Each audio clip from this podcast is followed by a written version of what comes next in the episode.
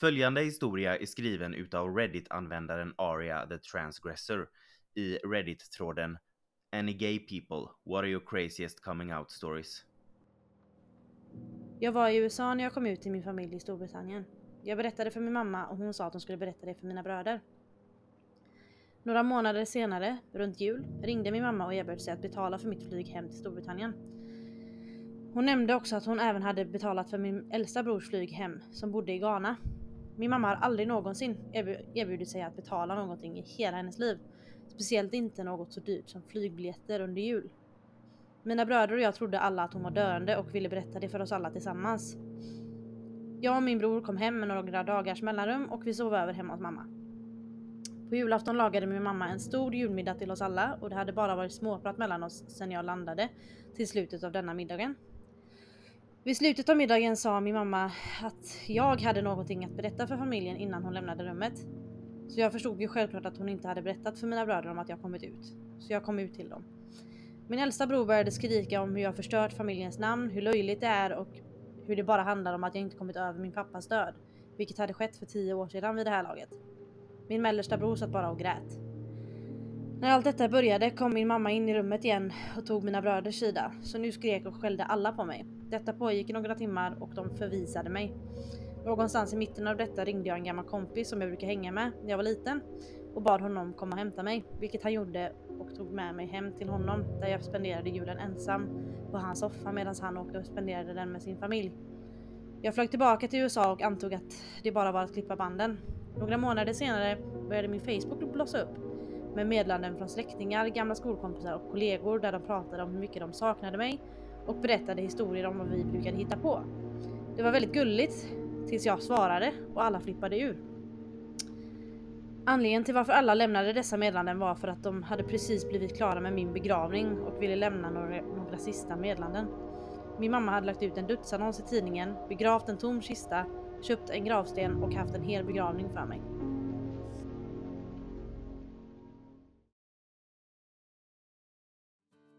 Jag heter Joakim. Jag heter Amanda och detta är En Gay i Taget. En gaypodd av och med oss, en bög och en flata. Som av en händelse också råkar vara syskon. Här diskuterar vi allt som är homosexuellt och mer därtill. Välkomna! Då var vi igång! Yes, välkomna till första avsnittet av eh, En Gay i Taget. Yes! Ehm, vi heter som sagt Joakim och Amanda och vi är syskon. Mm, Vi är två av fem syskon. precis. Jag är nummer tre och du är nummer fem. Ja. Vi har alltså fyra, nej, tre bröder till. Tre bröder till. Ja. Ja. så vi är två av fem alltså och vi är gay. Ja. Vad vi vet så är det bara vi två. Av vad vi vet hittills. Och anledningen till att vi har valt att göra den här podden är dels för att vi båda gillar att prata Mm. men som jag också känner att jag hade velat ha något sånt här när jag växte upp. Precis. Alltså en, en kanal eller en källa att kunna vända mig till. Nu finns det ju, Det finns ju väldigt mycket men det finns ju inte tillräckligt. Nej. Det finns ju väldigt många bra gaypoddar och väldigt mycket information och sådär att vända sig till. Mm. Vi är ju absolut inte först på bollen Nej, gud, överhuvudtaget men vi vill dra vårt strå till stacken också. Precis och sen även det här att att vara gay ses ju som det här inte onormala men i vissa ögon ja. Men alltså typ att det liksom inte är det, det är inte enligt normen och det är ovanligt att vara gay. Eh, men det är inte mer ovanligt att vara gay än vad det är att vara straight. Eh, och det tyckte vi väl vi att vi var beviset på med tanke på att vi är två syskon i en och samma familj. Mm. Och det kändes ju så här. Jag vet i alla fall när jag kom ut som nummer två då att eh, jag trodde att folk skulle tänka men vadå man kan ju inte vara två i samma familj. Mm. Så det kan också vara så här att vi vill visa att det är vanligare än vad vissa folk tror. Mm. Precis. Eh, och den här historien som vi hörde nu i början, den hade vi tänkt prata om. Just för att vi kommer gå, vi kommer gå in på våra egna, vi kommer kort dra våra egna komma ut historier. Eh, som ett bevis för folk att det behöver inte alltid gå illa. Men Mm. vi vill också, just på grund av att det gick bra för oss, visa att det faktiskt finns en stor andel som inte alltså få lika bra bemötande som vi fick. Precis. Och den här historien som du läste här i början Mm. Är en av dem. Mm. Nu vet inte vi vi har liksom inget belägg eller, eller någon källa på att det här är sant. Utan Nej. det här är en användare som har skrivit det på Reddit. Precis. Men även om detta inte är sant, även om det är det, så händer det här Mm. varje dag. Ja. Liknande grejer. Alltså den här personen är ju inte ensam om att vara med om något sånt här. Eh, tyvärr. Nej. Eh, det är ju liksom, och det är inte bara det att folk får dåligt bemötande om de kommer ut. I vissa länder så blir de ju dödade. Mm. För alltså enligt lagen så får man döda folk om de är homosexuella Mm. eller åka, i- så åker man i fängelse. Så man, alltså vi har ju en väldig tur på ett sätt att vi bor i Sverige. Men det betyder inte att Sverige är perfekt. Absolut inte. Och alla har ju sin egen sanning och sin, alltså man kan ju bara gå efter sig själv. Mm, Någonting precis. som är värre för en person kanske känns bättre för någon annan. mm. Och sen alla har ju det här, alltså alla som gay har ju den här komma ut skräcken oavsett hur open-minded dina föräldrar eller dina syskon Mm. eller dina vänner är. Så är det alltid spöken i huvudet som säger att de kommer inte acceptera att du är gay. De kanske accepterar att den här personen på TV är gay men att någon så nära är gay det kanske inte är okej. Nu rimmar jag som en jävla idiot. Men sen också att du kommer ju alltid komma ut. Ja ja, gud ja. Jag menar, det, du har ju det här stora när du kommer ut till familj och vänner och allt det där. Men sen kommer du ju ut hela livet. Konstant verkligen. konstant på Ja. ett nytt jobb med Mm. nya vänner. Med liksom var du än kommer. Och jag tycker nästan på ett sätt så är det alltid lika nervöst för hur man Mm. ska bli mött. Ja, ja, gud ja. Alltså det, jag har ju haft liksom eh, tillfällen, för i och med att jag bor ihop med min flickvän Mm. så blir det att jag säger sambo. Och sambo kan ju lika gärna vara en man som en kvinna liksom. Mm. Eh, så när jag säger bara sambo så är det ju många som antar att det är en man och använder ordet han när de frågar om min sambo. Och då är det så här, man känner sig dum när man ska rätta dem. Alltså Mm. man bara, ah, nej, eh, eller hon. Så här, man känner sig typ för man vill inte göra dem obekväma. Nej men för det värsta just med att göra dem obekväma. Jag kan till och med med handen på hjärtat komma på mig själv. Vi säger att man får en ny kollega eller man Mm. träffar en ny. Ha, vi säger att det är en tjej. Mm. Har du kille? Ja, kan jag ja, själv ja. råka fråga? Och så kommer jag ja. på mig själv att varför frågar jag det? Mm, för att, mm. Varför förväntar jag mig? Alltså då är det så och, Men det är så inprintat Ja. på något sätt att, alltså för vi är ju inte heller perfekta. Det är klart, självklart. alltså man, man har ju sina liksom tankar och fördomar och eh, alltså det här. Det ligger ju i bakhuvudet någonstans de här grejerna man växt upp med. Och det är Mm. också en sån grej vi kommer toucha på längre fram. Eh, just om representation i media och i allt. Tv-serier, filmer. För det vi har växt upp med det är ju i böcker, i tv, i film. Allt sånt så är det ju heterosexuellt så att säga. Det är mamma och en pappa i en familj. Det är en eh, f- tjej som hittar en kille eller sådär. Mm. Så att det är också där man, man har ju växt upp med att det är normen liksom. Och finns det en gay i filmen eller tv-serien så är det oftast en rolig sidekick. Ja ja, den har ju ingen riktig så här, den är ju verkligen inte tredimensionell liksom. Nej men just det här att man då kommer på sig själv med att man, man själv tänker ibland heteronormativt Ja, fast ja, att man gud, själv ja. är homosexuell. Precis. Så jag försöker ju nu säga har du någon partner eller du Mm. vet prata om partner istället. Mm. Men helt ärligt så kan det bli att man glömmer det. Att Det, man alltså, det har jag gjort liksom. många gånger.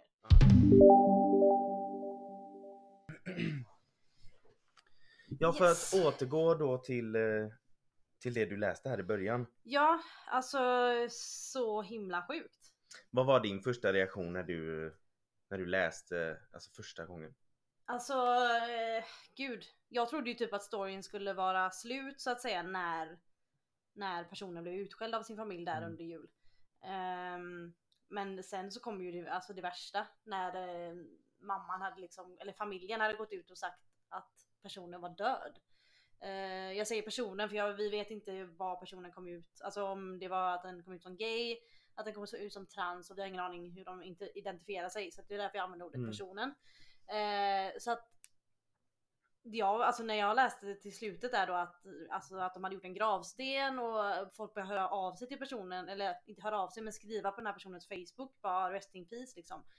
Alltså tänk att bara sitta hemma och få det och så bara ah, okej det Men- var min mamma som emotionellt dödade mig. Men det jag inte förstår är hur, hur kan det hända om man säger at this day and age? Förstår du vad jag menar? Det är ju ingen gammal story. Nej, och jag menar okej om det hade varit liksom nu finns det sociala medier, det finns liksom du kan söka upp en... Hur lyckas du få, alltså nu bodde den här personen i USA va? Mm, och mm. familjen bodde i Storbritannien. Ja. Så att visst, den var på andra sidan jordklotet. Mm. Typ. Men hur kan en människa, i detta fallet mamman då, lura en hel liksom ett helt samhälle eller vad man ska Exakt. kalla det. Att personen är död när det finns så många liksom sätt att Alltså det Fattar inte hon då att folk kommer gå in på hennes Facebook och skriva Nej, men det måste, peace? hon måste ju ha bott i en egen värld eller någonting när mamman. Alltså Mm. det kan ju inte... Och sen jag menar, är personen inte aktiv på sociala medier? Mm. För att om eh, mamman säger att ah, nej de dog i, eh, för två veckor sedan och så går någon in och kollar och så har de skrivit en status för en dag sedan. Mm. Alltså hur, jag vet inte. Och har den ingen som helst kontakt med någon därifrån? Jag menar, hon, han eller hon bodde ju hos den här kompisen på julafton. Ja precis, att inte Så den måste jag- personen reagerar. Ja, Ja. och, men som sagt, vi vet ju, det, vi vet ju inga detaljer och vi vet liksom inte liksom, mycket om det här förutom det som står. Mm. Men har du läst, har personen uppdaterat hur det har gått sen? Om man lä- fortsätter att läsa i tråden?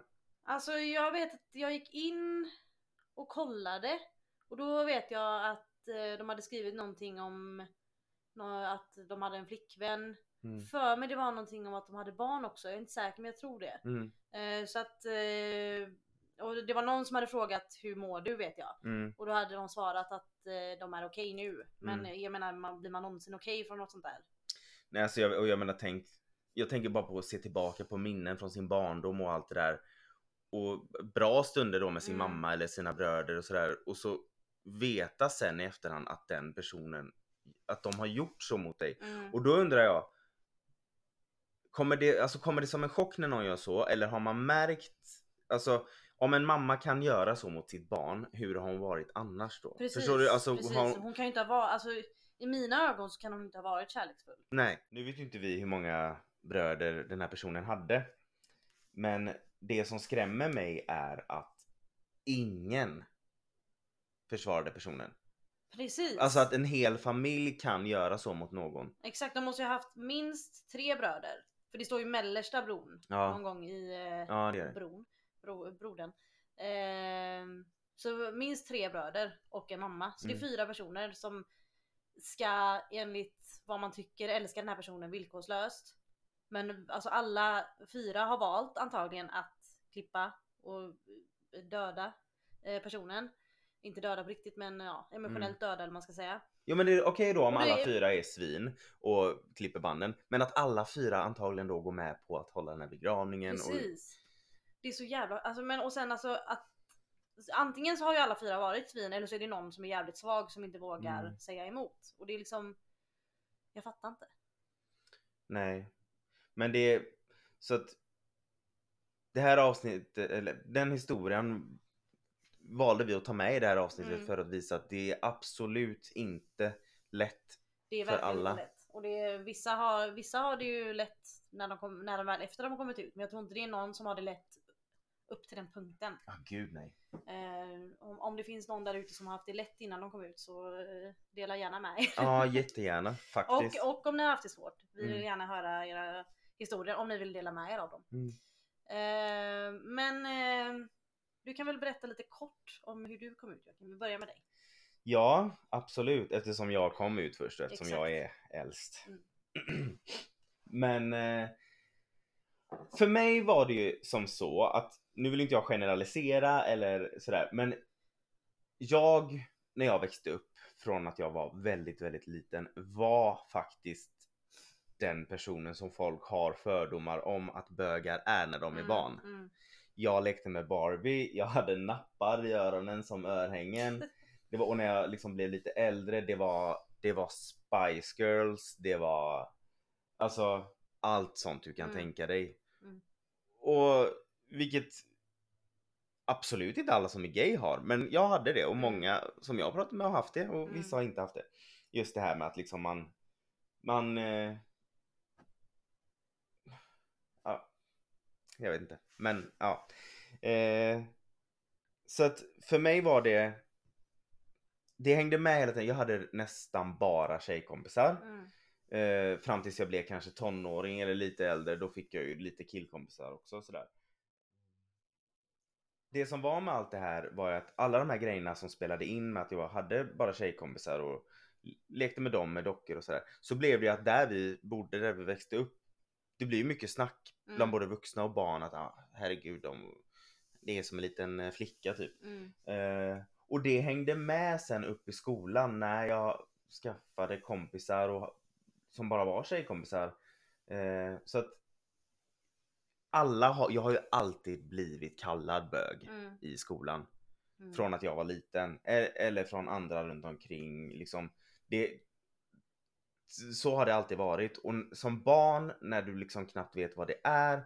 Eller Alltså det första, typ din första, ditt första möte med ordet bög var ju att det var ett skällsord. exakt. Att det var något dåligt. Exakt. Och som barn vet du liksom Du har inte ens upptäckt din egen sexualitet. Nej vad fan, en femåring vet Nej. inte mer än att de, vad de gillar att leka med liksom. Och vad Precis. spelar det för roll liksom? Men någonstans så tror jag ändå att jag hela tiden innerst inne visste. Det vet man, alltså Ja. det, det vet man bara. Eh, Man kanske inte vet det i stunden men när man tittar tillbaka mm, nu som vuxen så vet man det. Att, eller så vet man att man visste det. precis. Någonstans djupt där inne. Sen gick det väldigt lång tid innan jag kom ut. Eller det Mm. beror på vem man jämför med. Det finns ju Mm. folk som kommer ut väldigt sent i livet Precis. och blir lyckliga av det. Mm. Men om jag jämför med sådana i min närhet så var jag sen. För att Ja. jag var 22 år Mm. och det för många kanske är tidigt men för många är det sent. Mm. Jag väntade av den enkla anledningen. Dels för att jag var rädd hur det skulle tas emot. Mm. Men jag ville också, jag ville inte att alla mina plågoandar som jag hade under hela min Skulle ha uppväxt skulle ha rätt. Mm. Men jag visste ju att de hade det. Ja, men det är ju någonstans ville man, eller så ville du väl Alltså bevisa dem fel. Precis. Och så var det ju så att under tonåren, du vet när man får en, liksom man utvecklas, man blir liksom Du utvecklar en sexu- sexualitet, du ut, intresserar dig för grejer och sådär. Du blir könsmogen. Ja exakt, det var det jag letade efter. Då Då är det ju någonting inom dig som blir nyfiken ja, ja, på det som du dras till. Ja. Och det var ju det som hände liksom att ju, ju äldre jag blev där, jag blev mer, mer och mer nyfiken. Jag liksom kände ju att Jag menar jag hade ju Jag hade väl dejtat någon tjej eller sådär Mm. i tonåren. Men annars var det ju bara alla mina kompisar som hade killproblem eller tjejproblem och de var ihop med dem och de var ihop med dem. Men jag, man var ju alltid bystander Ja, eller den som de ringde. terapeuten. Terapeuten. Mm. Man hade ju aldrig något eget. Jag har ju aldrig, kan ju aldrig säga att jag hade en ungdomskärlek som Nej, folk säger. Mm. Eh, Och sen det här eh, att man var, jag, jag hade ju samma, jag var ju den som folk ringde för att prata om sina relationsproblem. Men det som var intressant är att varken du eller jag hade ju någon så här ungdomskärlek eller vi hade ju ingen erfarenhet av att ha en relation men ändå var vi den som folk frågade om råd. Ja, jag vet. Varför? Vi hade ju ingen aning om något. Sen när man fick en egen stod man där och visste ingenting Ja, fast att man hade gett råd hela livet. Ja, och man hade gett råd men det var fan ingen som lyssnade på dem. Exakt. Nej men Men det jag gjorde då var liksom när jag blev äldre och började dras till att liksom det här, blev, det här ble, det blev större än mig själv. Mm. Förstår du? Mm. Den här känslan av att liksom vilja ut. Så jag skaffade ett ko- konto på QX Mm. för de flesta vet att det är ett gay community Mm. eh, på internet. De, det är också en tidning. Där jag chattade liksom, prövade mig fram. Eh, ibland utan bild, ibland liksom, ja men jag prövade mig fram. Och jag träffade någon där och det var då det blev ska, startskottet liksom Mm. att när du träffar någon och det blir till slut så vill du dela med dig av det här. Så jag berättade för mina kompisar, mina närmaste kompisar. Mm. Eh, jag sa bisexuell från början, Mm. som många gör. Mm. Eh, så var ju inte fallet. Förlåt till- till alla bisexuella att vi använder er som landningsbana. Det är Ja, inte meningen. För verkligen. jag gjorde samma och det var inte meningen. Förlåt.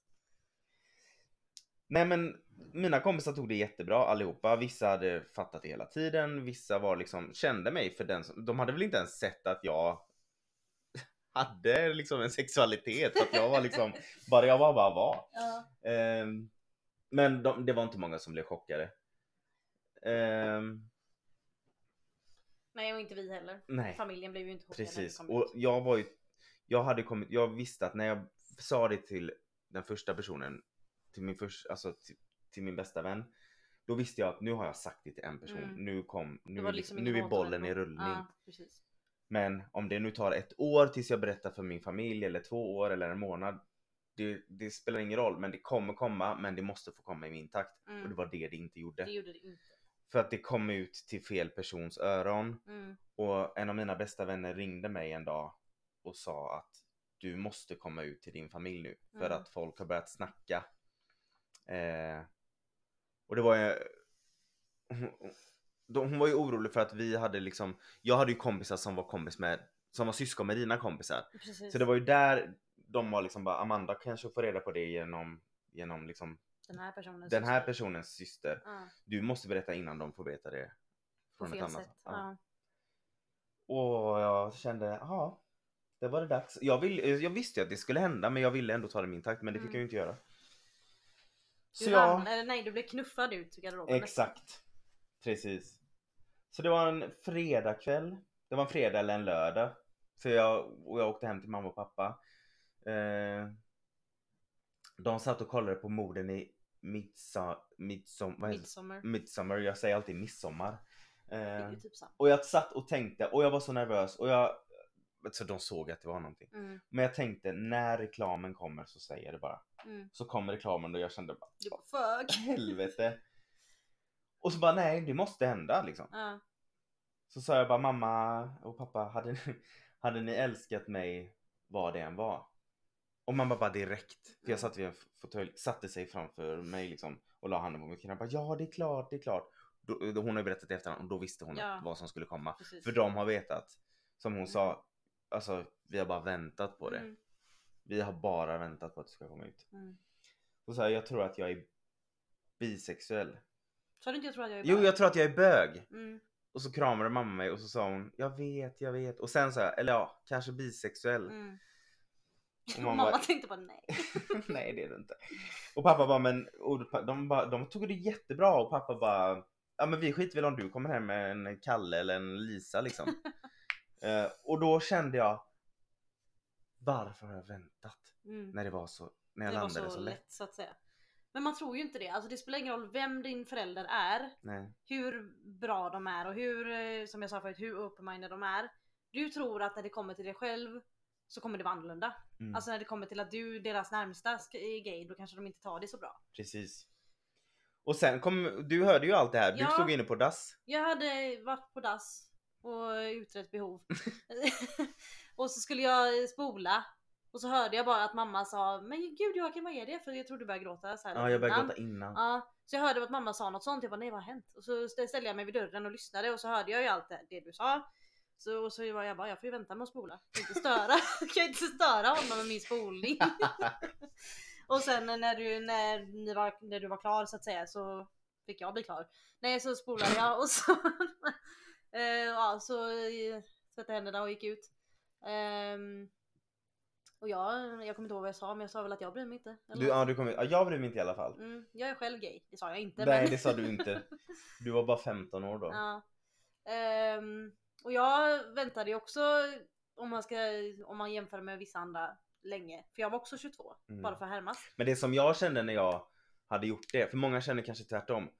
När jag hade sagt till mina föräldrar, då sa jag till de mina vänner som visste, Ja. nu kan ni säga till vem ni vill. Ja, nu men kan det- alla få veta det. För precis. nu vet min familj, Mm. nu skiter jag i det resten. det. Medan vissa kanske tvärtom berättar för familjen men är rädda att Ens vänner ens vänner det ska veta. Ja. Men då vet jag att några av mina killkompisar som jag hade då, jag hade glidit ifrån lite från dem, men vi Mm. hade liksom kontakt, berättade för mig i efterhand att folk, är det därför ni inte umgås med Jocke längre för att han är bög? Det var ju inte därför. Ah, Men just eh, det blev ett jävla liv för det. Men då var i alla fall, då, och sen jag hade, då skrev jag på min Facebook-stat att det var lite för trångt i garderoben så jag valde att komma ut. Det var ingen som blev förvånad. Nej. Det roliga är att varje gång jag säger nu, bara när folk frågar när kom du ut? När jag var 22. Så sent? Ja men alla visste. Ja, Jag kom ut, jag sa det när jag var 22 men eh, jag Du kom sa ut det när redan jag, när du bar dina... eh, mammas pumps. Exakt. Precis. Sju år senare, år 2017, eh, var det min tur att stiga ut.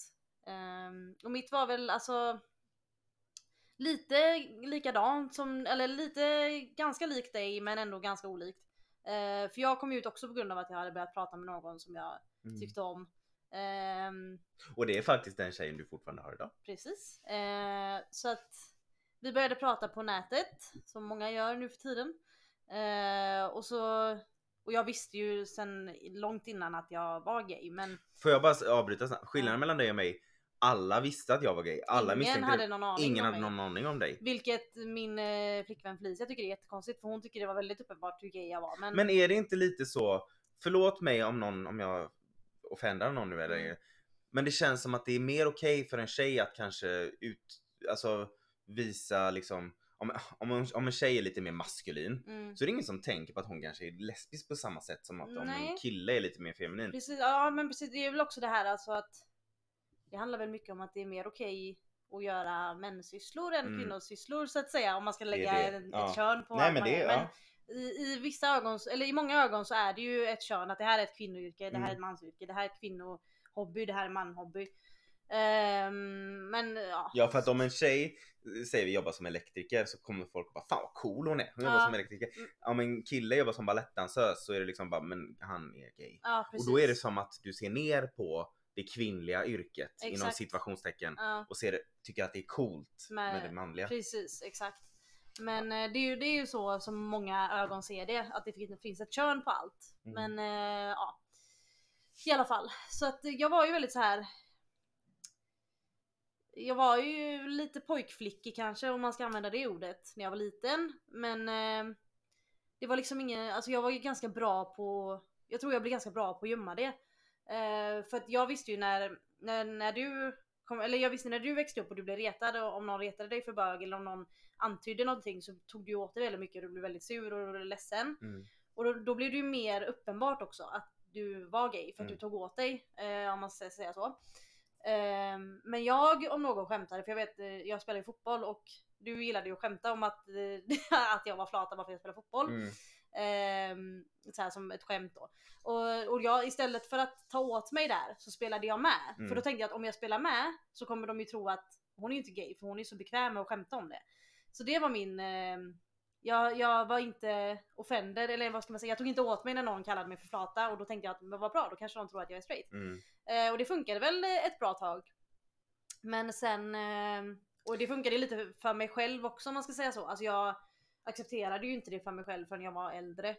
Får jag avbryta? Jag Ja. vet att podden heter En gay i taget men det kommer vi inte hålla oss Nej till. inte när dig, du. Men eh, jag, kan, jag tror många undrar, kan du berätta för många tänker säkert nu, men varför var det svårt för henne? Hon hade ju en bror, bror som var gay. Mm. Han, det var ju som ett guldläge, kanske många Exakt. tänker. Ja, alltså absolut. Det kan man tro.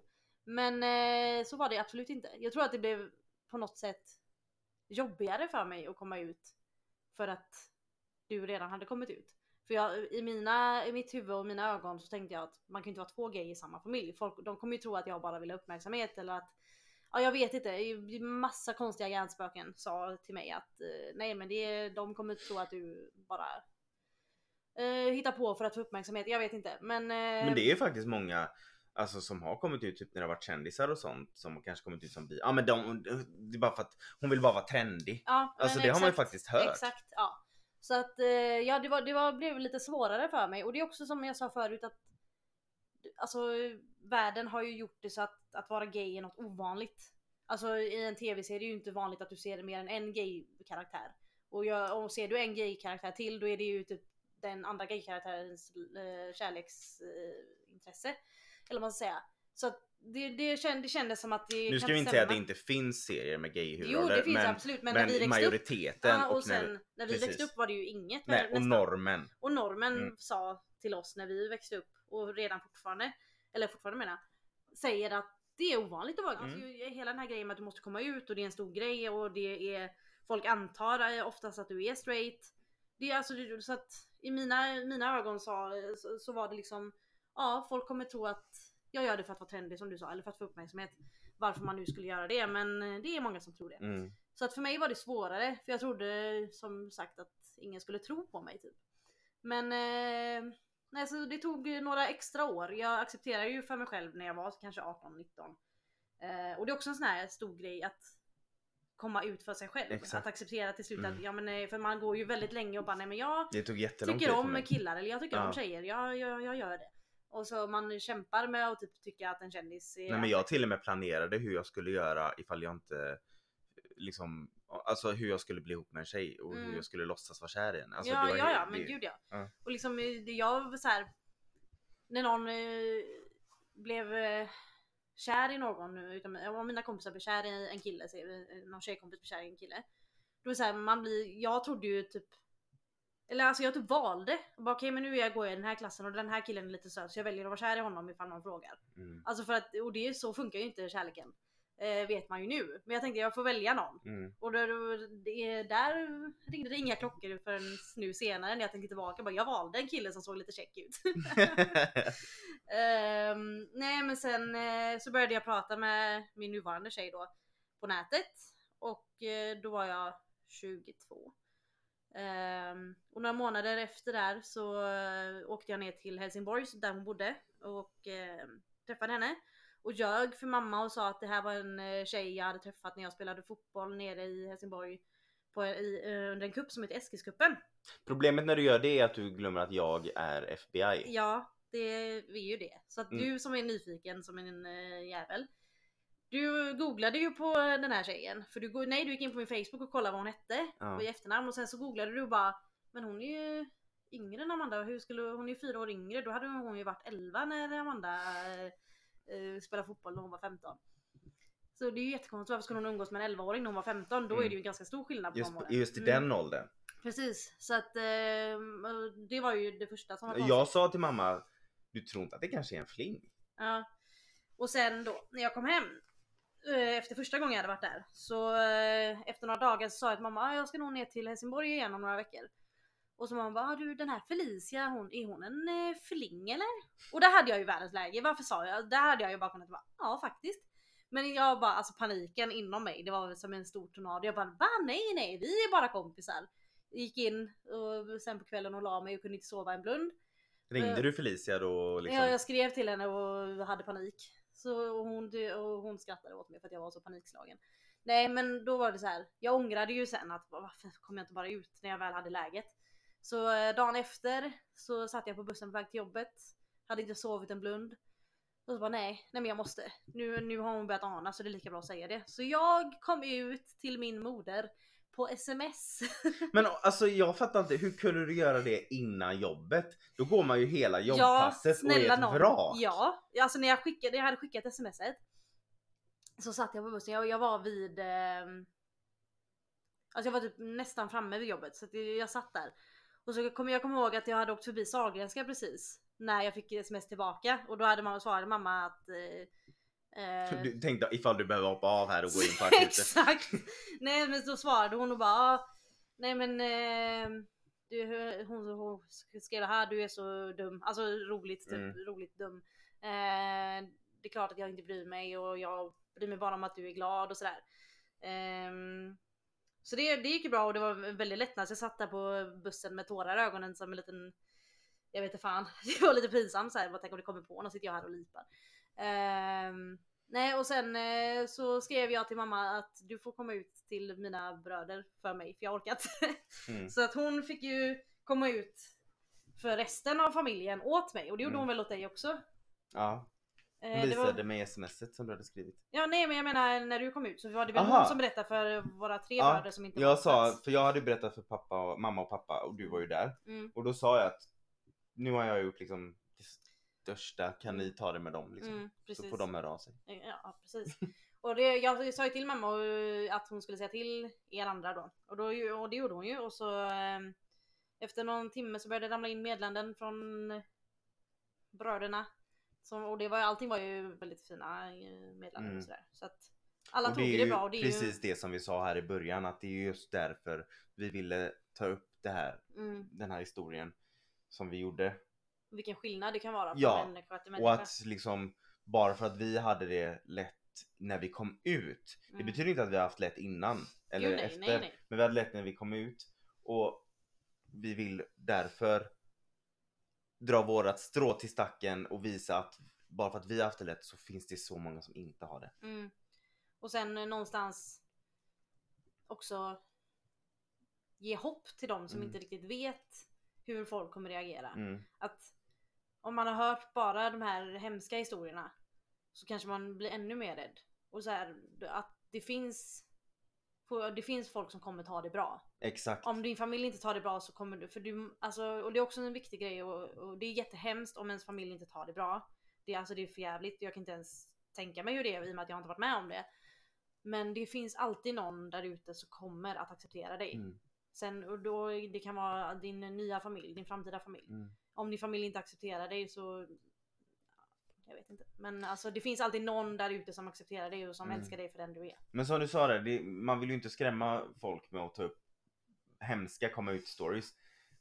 Men man vill ju också liksom skapa awareness om att Mm. de finns för det är jätteviktigt att veta. Precis och det är så många som tror nu att ah, men vadå det är ju helt okej att vara gay, Mm. man får ju gifta sig. Ja men det är inte så lätt. Nej. Och i vissa länder är det ju verkligen inte lätt. Och det är ju även inte lätt i de, som jag sa förut, Sverige, det kanske har tur att vi bor i Sverige som homosexuella men det får, betyder inte att Sverige är perfekt. Absolut inte. Menar du får ju inte ens ge blod Nej. fortfarande. Det är ju helt jävla sinnessjukt.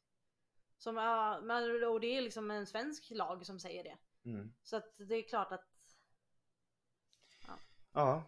Ja nej men så att har ni, eh, är det någon som sitter med sin story och känner att de vill dela med sig eh, så gör gärna det. Gör Mm. gärna det. Gör gärna det.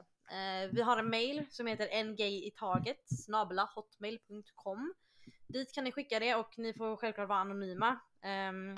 Vi ni kan gärna säga, upp, säga till ifall ni är okej med att vi delar med er Ja. story eller om ni eh, bara vill dela med er till oss. Och vi tar gärna emot både positiva och negativa eh, come ut stories. Eller hur, hur det har varit i efterhand. Efter att de har kommit Mm. ut. Om det kanske var bra när de kom ut och sen blev sämre eller tvärtom. Vi, vi vill liksom dela med er. Mm, vi, vi, vi förstår ju om folk sitter och bara nej men jag vill absolut inte dela med mig. Men sitter du och bara nej men jag, jag vill berätta min story så gör det för att Mm. det, det är alltid bra för eh, många att höra hur det kan vara. Både Precis. dåligt och bra. Precis som man kan alltid hjälpa någon med att Mm. dela med sig och det är Mm. det vi känner att vi kanske vill göra. Ja, så nu var den här karusellen i rullning och det här var vårt första avsnitt. Ja. Vi hoppas att det är många av er som fortfarande lyssnar och inte har stängt av.